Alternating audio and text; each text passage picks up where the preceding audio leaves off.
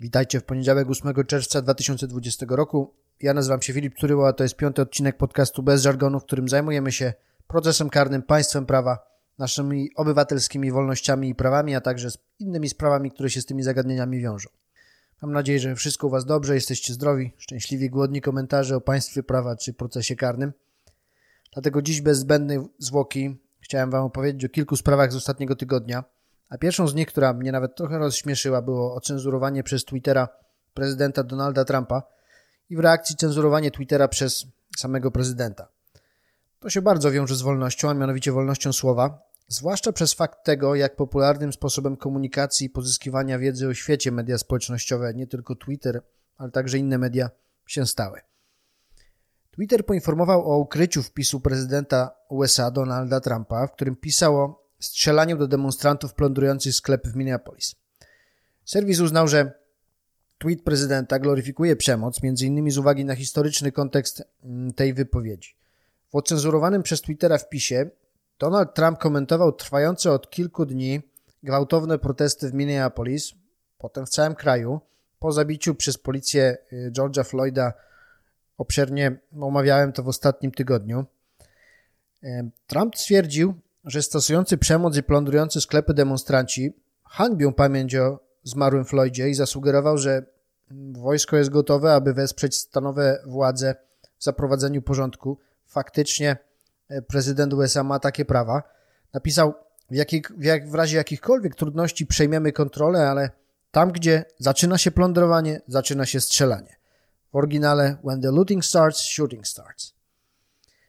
Jak zwróciły uwagę media, fraza zawarta w drugiej części zdania została, powstała w 1968 roku. Twórcą jest oskarżany o rasizm szef policji w Miami Walter Hidley. Hidley obiecał wówczas rozprawienie się z e, czarnoskórymi uczestnikami zamieszek na, zamieszek na tle rasowym w, w swoim mieście, ogłasza, ogłaszając wojnę i przyznając, że nie ma problemu z tym, aby być oskarżanym o brutalność. Reakcja serwisu była następująca. Ten tweet łamie nasze zasady dotyczące gloryfikacji przemocy ze względu na historyczny kontekst ostatniego zdania, jego związku z przemocą i ryzykiem, że może ono zainspirować podobne działania dzisiaj. Tak napisała administracja Twittera. W rezultacie zamiast wpisu prezydenta wyświetla się komunikat o złamaniu zasad dotyczących pochwały, pochwały dla przemocy. Aby zobaczyć treść tego wpisu, trzeba wcisnąć dodatkowy przycisk wpisu prezydenta nie można też polubić, nie można go e, podać dalej. Trzeba przypomnieć, że to jest już druga interwencja Twittera w działalność Donalda Trumpa na tej platformie. Wcześniej administracja serwisu opatrzyła dwa wpisy e, prezydenta specjalnym linkiem zachęcającym do tego, aby poznać fakty na temat głosowania korespondencyjnego, bo w swoich wpisach Trump stwierdził, e, że dopuszczenie do głosowania pocztą na dużą skalę to prowadzi do sfałszowania wyborów, listopadowych wyborów prezydenckich w Stanach Zjednoczonych. I klikając na dołączone e, łącze, użytkownik był przekierowywany na stronę z artykułami, z tweetami prostującymi wypowiedź prezydenta.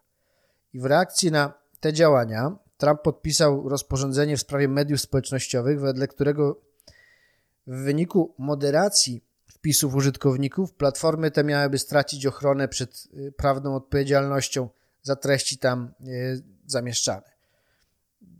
Prawnicy amerykańscy twierdzą, że wielu z nich twierdzi, że taki dokument nie będzie miał mocy prawnej, no a sam Trump przyznał, że jeśli to byłoby prawnie możliwe, to chciałby zamknąć portal, na którym zamieścił przecież kilkadziesiąt tysięcy wpisów. On, no, mówi się o tym, przeciwnicy Donalda Trumpa twierdzą, że to jest twitterowa prezydentura żeby ocenić to, co się stało, to trzeba najpierw oderwać się od swoich sympatii politycznych i zastanowić się, czym Twitter i inne media społecznościowe w rzeczywistości są. Otóż są to firmy, są to przedsiębiorstwa, jednostki założone i prowadzone przez ludzi, tym samym mają prawo do tego, żeby sobie swobodnie kształtować zasady dopuszczalnego zachowania się użytkowników. One także mają wolność wypowiedzi, w tym również prawo do wypowiedzi głupiej, albo prawo do blokowania wypowiedzi rozsądnej. W ogóle bez znaczenia jest, kto ma w tym sporze rację. Jedyne ryzyko, które powinny ponosić te firmy jest związane z utratą użytkowników. De facto te osoby, my, jesteśmy klientami tych przedsiębiorstw. Jeśli nie podoba Ci się określona polityka, to po prostu nie czytaj, nie publikuj, nie uczestnicz w tym. To, są, to jest zwykła działalność gospodarcza, w której nie masz obowiązku uczestniczyć. Zresztą, jeśli mówimy o czymś, co stało się w USA, to przytoczmy też poglądy amerykańskiego orzecznictwa. Amerykański Sąd Najwyższy wypowiedział się kiedyś na ten temat, konkretnie w 2010 roku w sprawie Citizens United, przyjmując, że wolność słowa dotyczy także korporacji. Wówczas wielu politykom w Stanach Zjednoczonych to się podobało. To otwarło drogę do finansowania kampanii wyborczych z pieniędzy korporacji, no ale w tym wypadku wolność słowa e, wydaje się przeszkadzać. Nie wydaje mi się z kolei, żeby to było, żeby to była logiczna, logiczne wyjaśnienie tej sytuacji. Swoją drogą, ciekawe na jakim poziomie zapadła decyzja, że blokujemy tweet Donalda Trumpa. Pewnie nie na poziomie klepacza kodu czy dyżurnego cenzora, ale raczej na poziomie zarządu, bo to jednak stwarza pewne ryzyko dla stabilności działania firmy.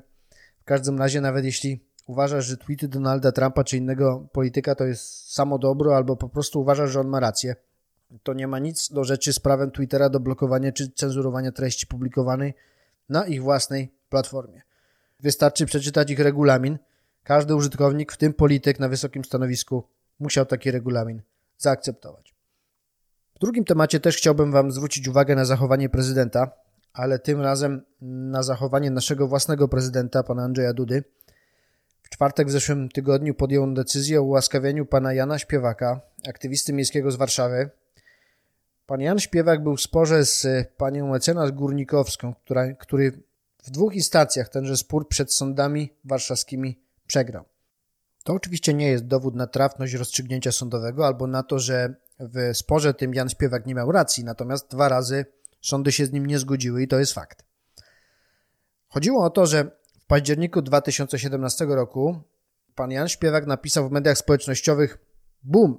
Córka ministra Ćwiąkalskiego przejęła w 2010 roku metodą na 118-letniego kuratora kamienicę na Ochocie, na warszawskiej Ochocie. Później kilkakrotnie powtarzał ten zarzut wobec e, prawniczki na konferencjach prasowych. No i pani mecenas Górnikowska skierowała do sądu prywatny akt oskarżenia o zniesławienie i, jak powiedziałem, sprawę w dwóch instancjach sądowych wygrała. Po uprawomocnieniu się tego wyroku, pan Jan Śpiewak krytykował wyrok sądu, uznał go za niesprawiedliwy i zapowiedział, że nie wykona go. Poinformował, że będzie składał kasację od wyroku i być może złoży wniosek do prezydenta Andrzeja Dudy o ułaskawienie.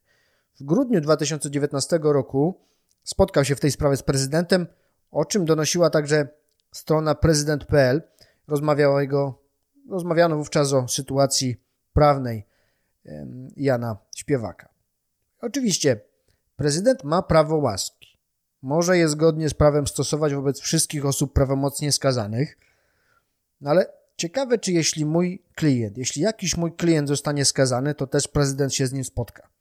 Na przykład student, którego policja w 2019 roku złapała niedaleko miasteczka studenckiego z pięcioma gramami marihuany na własny użytek, który za to ostatecznie dostał wprawdzie tylko grzywne, ale został także wyrzucony z uczelni. Też nie było tutaj wyroku z karą więzienia, tylko grzywne, ale konsekwencje tego polowania na czarownicę poniósł. No, nie chcę poruszać tu kwestii legalności posiadania narkotyków w Polsce i moralnych albo amoralnych motywów stojących za takim prawem, ale takich ludzi jest tysiące i też niektórzy mają fajne życiorysy, myślę, że nie gorsze niż pan Jan Śpiewak. Druga sprawa to fakt, że zniesławienie to jest dość wyjątkowe przestępstwo. Jest związane z naruszeniem nie tylko reputacji, ale wręcz sfery wrażliwości przez cudzą wypowiedź. W ogóle nie uważam, że to powinno być przestępstwem, ale skoro już jest, to żeby się wypowiedzieć na temat tego, czy ułaskawić osobę skazaną za zniesławienie, to wypadałoby spotkać się z obiema stronami sporu. A tu jeszcze mamy wypowiedź pana prezydenta, w której mówi: Przeanalizowałem tę sprawę dokładnie i uważam, że nie może być tak, że młody człowiek przegrywa z elitami prawniczymi i nie może być tak, że wszyscy patrzą na to i nic się nie dzieje. Uznał nasz prezydent i podkreślił, że prawem młodzieńczym jest zaangażować się po dobrej stronie. No, swoją drogą, pan prezydent sam jest elitą prawniczą jako doktor prawa na Uniwersytecie Jagiellońskim. Kiedyś prowadził też swoją kancelarię w Krakowie. Mnie się nie podoba takie traktowanie ludzi, bo zdaje mi się, że zwykli ludzie nie mogliby liczyć na spotkanie z prezydentem, omówienie swojej sprawy. To jest ten aspekt, który mnie najbardziej w tym razi, choć tak jak mówię, samo przestępstwo zniesławienia uważam za y, pomyłkę. To nie powinno być karalne. Oczywiście powinno się ponosić odpowiedzialność przed prawem, ale to powinna być odpowiedzialność na gruncie prawa cywilnego. Zwłaszcza odpowiedzialność o charakterze finansowym, natomiast nie odpowiedzialność za przestępstwo. Sama ingerencja natomiast prezydenta w treść wyroku, w skuteczność tego wyroku de facto, w sprawie tak wrażliwej jak spór dwóch osób rozstrzygany przez sąd, ale spór prywatno-skargowy uważam za głęboko, za głęboko niesłuszny. A teraz temat czwartej tarczy antykryzysowej, tarcza 4.0, tak jakby to był jakiś program komputerowy, tak się to nazywa, została przesłana do Senatu i nie chcę tu omawiać wszystkich aspektów wprowadzanych zmian, ale mm, chcę Waszą uwagę zwrócić na jedną rzecz w tymże projekcie. Otóż na poszerzenie możliwości wykonywania na odległość w trybie wideokonferencji rozmaitych czynności w postępowaniu karnym. W kodeksie e, postępowania karnego wideokonferencji określa się słowami przy użyciu urządzeń technicznych umożliwiających przeprowadzenie tej czynności na odległość z jednoczesnym, bezpośrednim przekazem obrazu i dźwięku. Tak mówi o tym na przykład obecny artykuł 177 Kodeksu Postępowania Karnego. Już w poprzednim odcinku mówiłem o wadzie tego rozwiązania przy okazji posiedzeń dotyczących tymczasowego aresztowania. Tym razem chodzi bardziej o rozprawę i o inne elementy. Od 16 maja tego roku istnieje możliwość przeprowadzenia e-rozpraw w sprawach cywilnych, a tarcza czwarta umożliwi zastosowanie tego trybu także w przypadku spraw karnych. Oczywiście, jeśli zostanie e, przeprocedowana i podpisana w obecnym kształcie przez prezydenta. E, arytmetyka parlamentarna i układ sił politycznych raczej wskazuje na to, że mm, tego rodzaju zmiany nastąpią, ale to nie znaczy, że my nie powinniśmy zabierać głosu na tym etapie. Już mówiłem kiedyś, że kierunek jest słuszny, choć czynności procesowe na odległość wprowadza się w sposób wątpliwy, bo zaczynający się od bardzo wrażliwych sytuacji, jak przesłuchanie świadka czy zastosowanie tymczasowego aresztowania. W procesie karnym obowiązuje zasada bezpośredniości, to znaczy, jeśli to tylko możliwe, dobrze byłoby, żeby między sądem a zdarzeniem, który ma, które sąd ma oceniać, było jak najmniej ogniw pośrednich oraz żeby sąd sam zetknął się ze źródłem dowodu, czyli na przykład ze świadkiem, żeby w oparciu o naoczną obserwację zachowania tego świadka przekonać się o jego wiarygodności, żeby zobaczyć, jak on reaguje na y, stawiane mu pytania w sposób bezpośredni, obserwując całą jego postawę, widząc to, co się dzieje dookoła. No jesteśmy przyzwyczajeni do obserwowania także takiego kontekstu sytuacyjnego i wyciągania wniosków właśnie w taki sposób.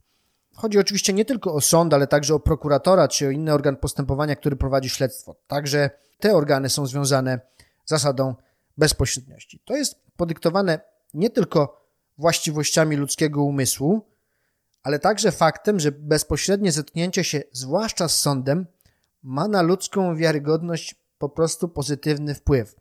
Nie jest to oczywiście zjawisko oczyszczające proces skłamców, ale sala sądowa wywiera na niektórych ludziach wrażenie onieśmielające. To czasem ułatwia wydobycie prawdy.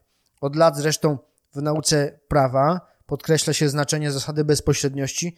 Myślę, że to jest takie top 10, jeśli nie top 5 procesu karnego. A te ostatnie projekty, już wprowadzone w życie nowelizacje, jakoś tak spychają znaczenie tej niezwykle istotnej zasady na dalszy plan. Na pewno natomiast za zasadę szybkości postępowania. Otóż prawdą jest, że postępowania karne są powolne niemal w całej Europie. Polska na tle innych krajów nie wypada wcale źle. Jesteśmy powyżej średniej w szybkości załatwianiu, załatwiania spraw karnych. Może też trzeba takiego kryzysu jak obecny, aby te osoby, które są odpowiedzialne za reformę sądownictwa, zrozumiały taką wręcz absurdalność sytuacji, w której często w prostych sprawach świadkowie, strony, pełnomocnicy, obrońcy jeżdżą po całej Polsce, aby wziąć udział w pięciominutowym spotkaniu na sali sądowej. Zmiany w sądownictwie muszą nastąpić. Nie tylko w polskim sądownictwie muszą nastąpić zmiany w całym cywilizowanym świecie. Ja tylko podkreślam jedną rzecz. Nie może być tak, że zaczynamy pracować nad szybkością postępowania od tych elementów, które decydują o trafności rozstrzygnięcia. Trzeba zacząć od przyspieszenia obiegu dokumentów. Nie może być tak, że potwierdzenie odbioru wezwania na rozprawę dociera do sądu w 3-4 tygodnie od nadania listu, a karta karna, czyli informacja o tym, czy dana osoba była w przyszłości karana i za co, na jaką karę, dociera w miesiąc czy dwa od wysłania zapytania, przy czym często jest już nieaktualna, bo wpis do tej karty też następuje z opóźnieniem, czasami kilkumiesięcznym. Po wyroku prawomocnym jeszcze tygodniami, jeśli nie miesiącami, nie widać tego wyroku prawomocnego w, w, w karcie karnej. Większość spraw, na których nie przysługuje się osób, także mogłaby się odbywać na odległość. Podobnie posiedzeń organizacyjnych, negocjacji z prokuratorem co do warunków dobrowolnego poddania się karze. Wszystkie te rzeczy można robić na odległość. Bardzo przyspieszą one, przyspieszyłyby one postępowanie. Podobnie bardzo przyspieszy postępowanie pełna digitalizacja akt sprawy, zwłaszcza gdyby akta zdigitalizowane, cyfrowe, posiadały opcję przeszukiwania tekstów w formacie PDF. Można też zobowiązać pełnomocników i obrońców do składania pism w formie elektronicznej, właśnie w PDF-ie, ale nie, u nas będzie pełna ceremonia pisma procesowego i tona papierów w segregatorach wyglądających jak z połowy XX wieku, natomiast kluczowego w sprawie świadka będziemy słuchać na odległość.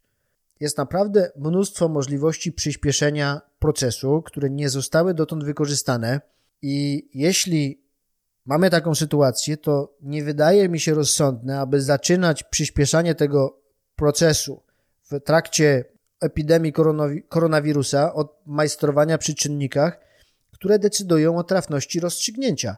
Tym bardziej, że wcale nie mam przekonania, nie jestem tu odosobniony, że owa trafność rozstrzygnięć nie jest obecnie w polskim procesie karnym na specjalnie wysokim poziomie. Omówmy teraz dwie rzeczy, które wydarzyły się w Sądzie Najwyższym. Otóż Izba Kontroli Nadzwyczajnej i Spraw Publicznych Sądu Najwyższego uchyliła dwie uchwały wydane przez Krajową Radę Sądownictwa. Uchwały dotyczące przedstawienia prezydentowi RP wniosku o powołanie sędziów Macieja Nawackiego oraz Dariusza Pawłyszcze. Zapytacie, czemu te dwa nazwiska są, te, te dwa nazwiska, przepraszam, są istotne i czy te dwa organy wymyślone w obecnym kształcie i powołane przez obecną administrację Prawa i Sprawiedliwości są rzeczywiście na kursie kolizyjnym. Przedstawię Wam najpierw, co się stało. Najpierw Sąd Najwyższy uznał, że niedopuszczalne jest, aby na wyższe stanowisko sędziowskie Krajowa Rada Sądownictwa nominowała swojego członka, a to właśnie pana sędziego Macieja Nawackiego. Szczególnie, że na czele organu opiniującego stał sam kandydat. Z tej przyczyny uchylił częściowo uchwałę o przedstawieniu prezydentowi RP wniosku o powołanie sędziów do pełnienia urzędu. Sprawa jest o tyle ciekawa, że na y, wyższe stanowisko kandydował właśnie dr Maciej Nawacki, y, który jest prezesem Sądu Rejonowego w Olsztynie, jest członkiem KRS i jednocześnie przewodniczącym zespołu, który opiniował swoją kandydaturę. Nie tylko swoją, ale wśród tych kandydatur była właśnie jego osoba, a nie został wyłączony z głosowania no to się wydaje dość słuszne, że jednoczesne kandydowanie i obiektywne opiniowanie własnej kandydatury jest trudne do e, pogodzenia.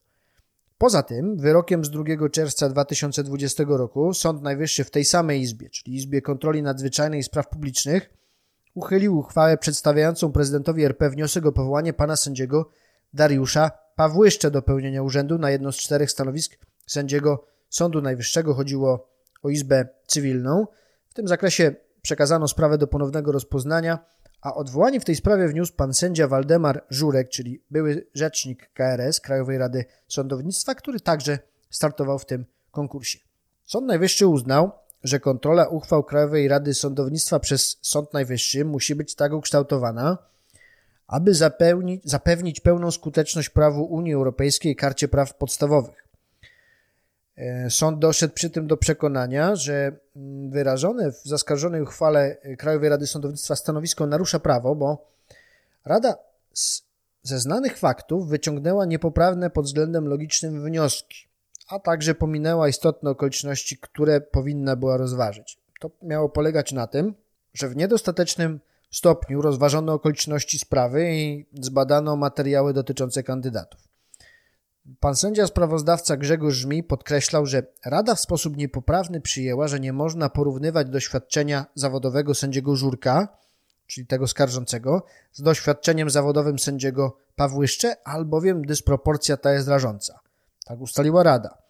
Z poczynionych, z poczynionych ustaleń wynika, że dysproporcji nie ma wielkiej, a doświadczenie kandydatów jest praktycznie porównywalne.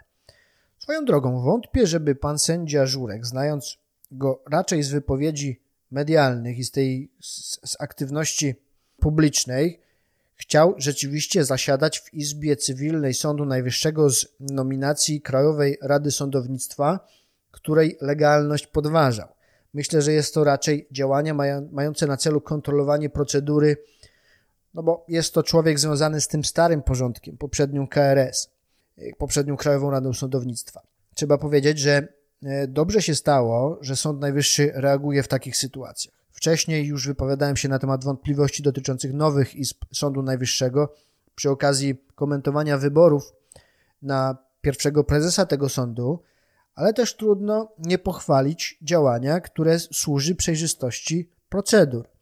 Osobiście nie mam nic przeciwko temu, aby pan sędzia Pawłyszcze czy sędzia Nawacki dostali nominacje, te, o które się starają, ale dopiero po rzetelnej procedurze. Marzą mi się wysłuchania publiczne przed takimi nominacjami, ale do tego chyba jeszcze nie dojrzeliśmy. W ogóle ukształtowanie drogi dojścia do zawodu sędziego i ścieżka awansu zawodowego to jest osobny temat, na który powinniśmy poświęcić osobny odcinek. Ja wprawdzie nigdy nie chciałem być sędzią, bo wolny zawód, bycie przedsiębiorcą to jednak jest dla mnie błogosławieństwo, ale mam też swoje zdanie na temat tego systemu. Kiedy widzę bystrego trzydziestolatka z godłem na szyi, na piersi, którego jednak główne doświadczenie życiowe polega na tym, że się dobrze uczył i przeczytał dużo książek, to myślę sobie, że nie jest to najlepsze wykorzystanie prawniczych talentów. Takich ludzi utalentowanych naprawdę nie brakuje wśród prawników, ale wydaje mi się, że i także wśród sędziów, ale wydaje mi się, że gdyby przez kilka lat taki człowiek popracował najpierw jako prokurator, albo adwokat, albo radca prawny, doświadczył trochę więcej niepowodzeń osobistych, niepowodzeń życiowych, niepowodzeń zawodowych, e, zobaczył więcej ludzkich tragedii, ludzkich sukcesów, osiągnął pozycję zawodową, autorytet w swoim środowisku, nauczył się budować ten autorytet, a potem w wieku lat powiedzmy 40 chciałby rozstrzygać ludzkie spory, no to byłoby z korzyścią dla wszystkich. Nie mówię, że nie ma dobrych młodych sędziów. Oczywiście, że są. Ale system powinien kształtować odpowiednie prawidłowości. A ten system, który działa wedle schematu szkoła, studia, aplikacje i przed 30 zostajesz sędzią, to nie jest optymalne rozwiązanie.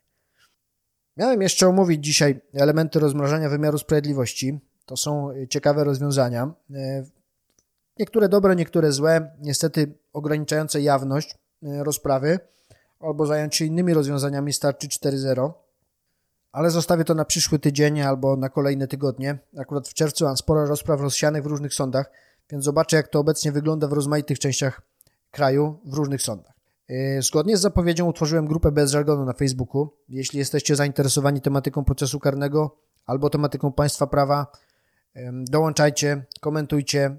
Pamiętajcie, że nie robię tego podcastu tylko dla siebie. Zapraszam do dołączenia. Stwórzmy razem taką społeczność, w której swobodnie i kulturalnie można wymieniać poglądy, niezależnie od sympatii politycznych, niezależnie od światopoglądu. To tyle ode mnie. Życzę Wam udanego tygodnia. Dziękuję za Waszą uwagę. Czekam na Was w grupie bez żargonu i do usłyszenia w przyszłym odcinku. Cześć!